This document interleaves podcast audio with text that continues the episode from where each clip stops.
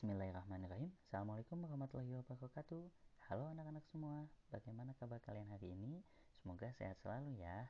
Alhamdulillah hari ini kita bisa berjumpa kembali pada pembelajaran online Pendidikan Pancasila dan Kewarganegaraan. Untuk itu sebelum kita memulai pembelajaran Kita awali dulu dengan berdoa menurut agama dan kepercayaan masing-masing. Berdoa dipersilahkan. Ya, baik anak-anakku, semoga ilmu yang akan hari ini bermanfaat ya. Hari ini kita akan mempelajari tentang demokrasi liberal dan terpimpin. Jadi bagaimana dinamika persatuan dan kesatuan Indonesia pada masa demokrasi liberal dan demokrasi terpimpin. Tahukah kamu kapan terjadi demokrasi liberal? Setelah terakhir di pekan sebelumnya kita belajar tentang dinamika persatuan dan kesatuan Indonesia di awal kemerdekaan dan Republik Indonesia Serikat Kali ini kita akan memasuki tentang demokrasi liberal, di mana ini dimulai pada tahun 17 Agustus 1945 sampai 5 Juli 1959. Ya. Di mana setelah RIS ini dibubarkan, bentuk negara Indonesia adalah negara kesatuan. Sistem pemerintahnya pun berubah menjadi parlementer. Ya, jadi RIS-nya berbubar gitu, jadi negara, bentuk negaranya kembali menjadi kesatuan, namun sistem pemerintahnya tetap masih parlementer ya di mana presiden masih berfungsi sebagai kepala negara dan menjadi bagian dari pemerintahan. Namun tanggung jawab pemerintahan di tangan perdana menteri bersama para menterinya ya. Sehingga presiden dan wakil presiden itu tidak bisa diganggu gugat ya. Nah, tahukah kamu konstitusi apa sih yang berlaku pada masa demokrasi liberal ini? Yaitu Konstitusi Undang-Undang Dasar sementara 1950 ya, di mana yang bertanggung jawab atas kebijaksanaan dan pemerintahan adalah menteri-menteri kepada DPR. Di dalam Undang-Undang Dasar 1945, tahukah kamu bahwa hanya dikenal lima lembaga negara saja, yaitu Presiden, Menteri, DPR, MA, dan DPK, yaitu Dewan Pengawas Keuangan. Pada masa demokrasi liberal terjadi ketegangan sosial politik akibat beberapa kali pergantinya kabinet. Dan inilah dinamika persatuan dan kesatuan yang diuji bagi negara Indonesia di tahun 1950 ini yaitu gagalnya konstituante menentukan dasar negara serta terjadinya jumlah pemberontakan seperti Permestra lalu akibat munculnya desakan untuk memperlakukan kembali Undang-Undang Dasar 1945 pada masa ini pemberontakan terjadi adalah pemberontakan DITI yang masih berlanjut lalu juga e, permesta ya. Baik, jadi intinya di demokrasi liberal ini kita sudah kembali kepada marwah menjadi negara kesatuan, namun bentuk pemerintahnya masih berbentuk parlementer ya. Konstitusinya adalah Undang-Undang Dasar 1900 Undang-Undang Dasar sementara 1950 ya, di mana e, terjadi ketegangan di sini ketika konstituantenya ini gagal untuk menentukan dasar negara e, Indonesia ya. Nah, baik selanjutnya kita akan maju ke demokrasi terpimpin.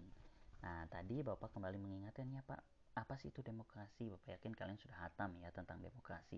Demokrasi itu adalah demos dan kratos di mana rakyat diberikan e, keterlibatan penuh di dalam proses demokrasi itu dalam proses pemerintahan untuk menentukan pemerintahannya ya. Setelah tadi di demokrasi liberal, kini kita maju ke demokrasi terpimpin. Demokrasi terpimpin ini dimulai dari tahun 59 sampai 67 ya. Nah, dimulai dengan apa sih Pak? Yaitu dimulai dengan dekret presiden. Pada 5 Juli 1959, pemerintah memperlakukan kembali ke Undang-Undang Dasar Negara Republik Indonesia tahun 1945 ya.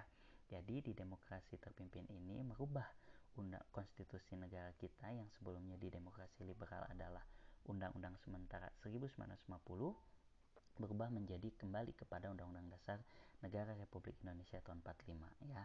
Nah, berarti sistem pemerintahnya pun sudah berubah menjadi sistem presidensial sehingga bentuk negaranya adalah kesatuan dan bentuk pemerintahnya adalah presidensial. Presiden menjadi kepala negara dan kepala pemerintahan. Namun pelaksanaannya tidak sesuai karena kedudukan presiden ternyata lebih dominan sehingga dikatakan sebagai demokrasi terpimpin di mana semua keputusan terpaku kepada pemimpin yaitu presiden di mana presiden saat itu adalah Presiden Soekarno. Sehingga ujian dinamika persatuan dan kesatuan di masa ini itu terjadi beberapa penyimpangan. Contohnya penyimpangan para pimpinan MPR, DPR, BPK, dan MA yang diberi kedudukan sebagai menteri. Jadi dulu itu boleh double jabatan gitu ya, sehingga ditempatkan sebagai bawahan presiden. Presiden pernah membubarkan DPR tahun 60 dan adanya Undang-Undang Nomor 19 tahun 64 yang membuat presiden berhak untuk mencampuri proses peradilan.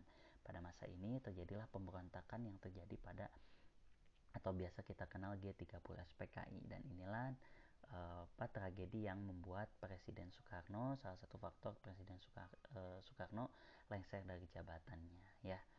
Nah, itulah tentang demokrasi liberal dan terpimpin. Sekali lagi Bapak review ya, demokrasi liberal kita mengenal bentuk negaranya sudah mulai kesatuan, namun sistem pemerintahnya masih parlementer.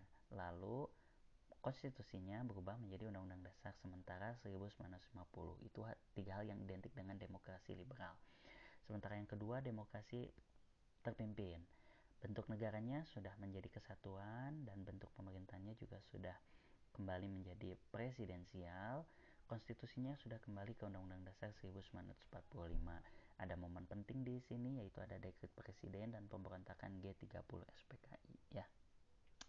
Nah, baik para siswa yang Bapak banggakan, itulah tentang dinamika persatuan dan kesatuan bangsa pada masa demokrasi liberal dan terpimpin. Semoga membuka wawasan kalian tentang bagaimana perjuangan bangsa Indonesia mempertahankan persatuan dan kesatuan negara kesatuan Republik Indonesia pada masa demokrasi liberal dan terpimpin ya.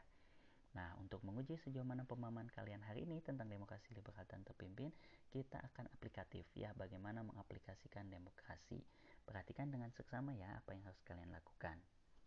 Setiap siswa silahkan mencari contoh bukti demokrasi yang terjadi di lingkungan sekitar kalian hari ini ya. Jadi hari ini nih kalian lagi belajar kira-kira apa bukti demokrasi yang sedang terjadi saat ini, detik ini di lingkungan kalian sekitar ya. Keadaan itu boleh diciptakan sendiri ataupun boleh secara real yang terjadi di sekitar kalian. Boleh ketika ada di rumah maupun ada di luar rumah ya. Lalu silakan difotokan dan dikumpulkan di kolektif bersama kelompok kalian. Lalu diedit dengan kola, dibuat kolase ya dibuat kolase, disatukan, diedit dengan nama kalian ya. Jadi misalkan fotonya diedit pakai nama kalian siapa, lalu disatukan ke perwakilan kelompok dikolasekan sehingga di dalam foto kolase itu ada foto sejumlah anggota kelompok yang hadir saja dan sudah diberi nama. Sehingga itulah yang akan menjadi absen untuk hari ini ya. Semangat, siapa cepat berarti dialah yang menjadi pemenangnya ya dikirimkan ke grup WhatsApp ya. Terima kasih untuk hari ini, semoga bermanfaat. Kita akan jumpa lagi pada pertemuan selanjutnya. Jika ada pertanyaan, boleh diajukan di grup WhatsApp. Bapak tutup pertemuan hari ini dengan materi hari ini dengan ucapan hamdalah bersama-sama. Alhamdulillahirrahmanirrahim. Wassalamualaikum warahmatullahi wabarakatuh. Tagline kita seperti biasa, PKN itu menyenangkan.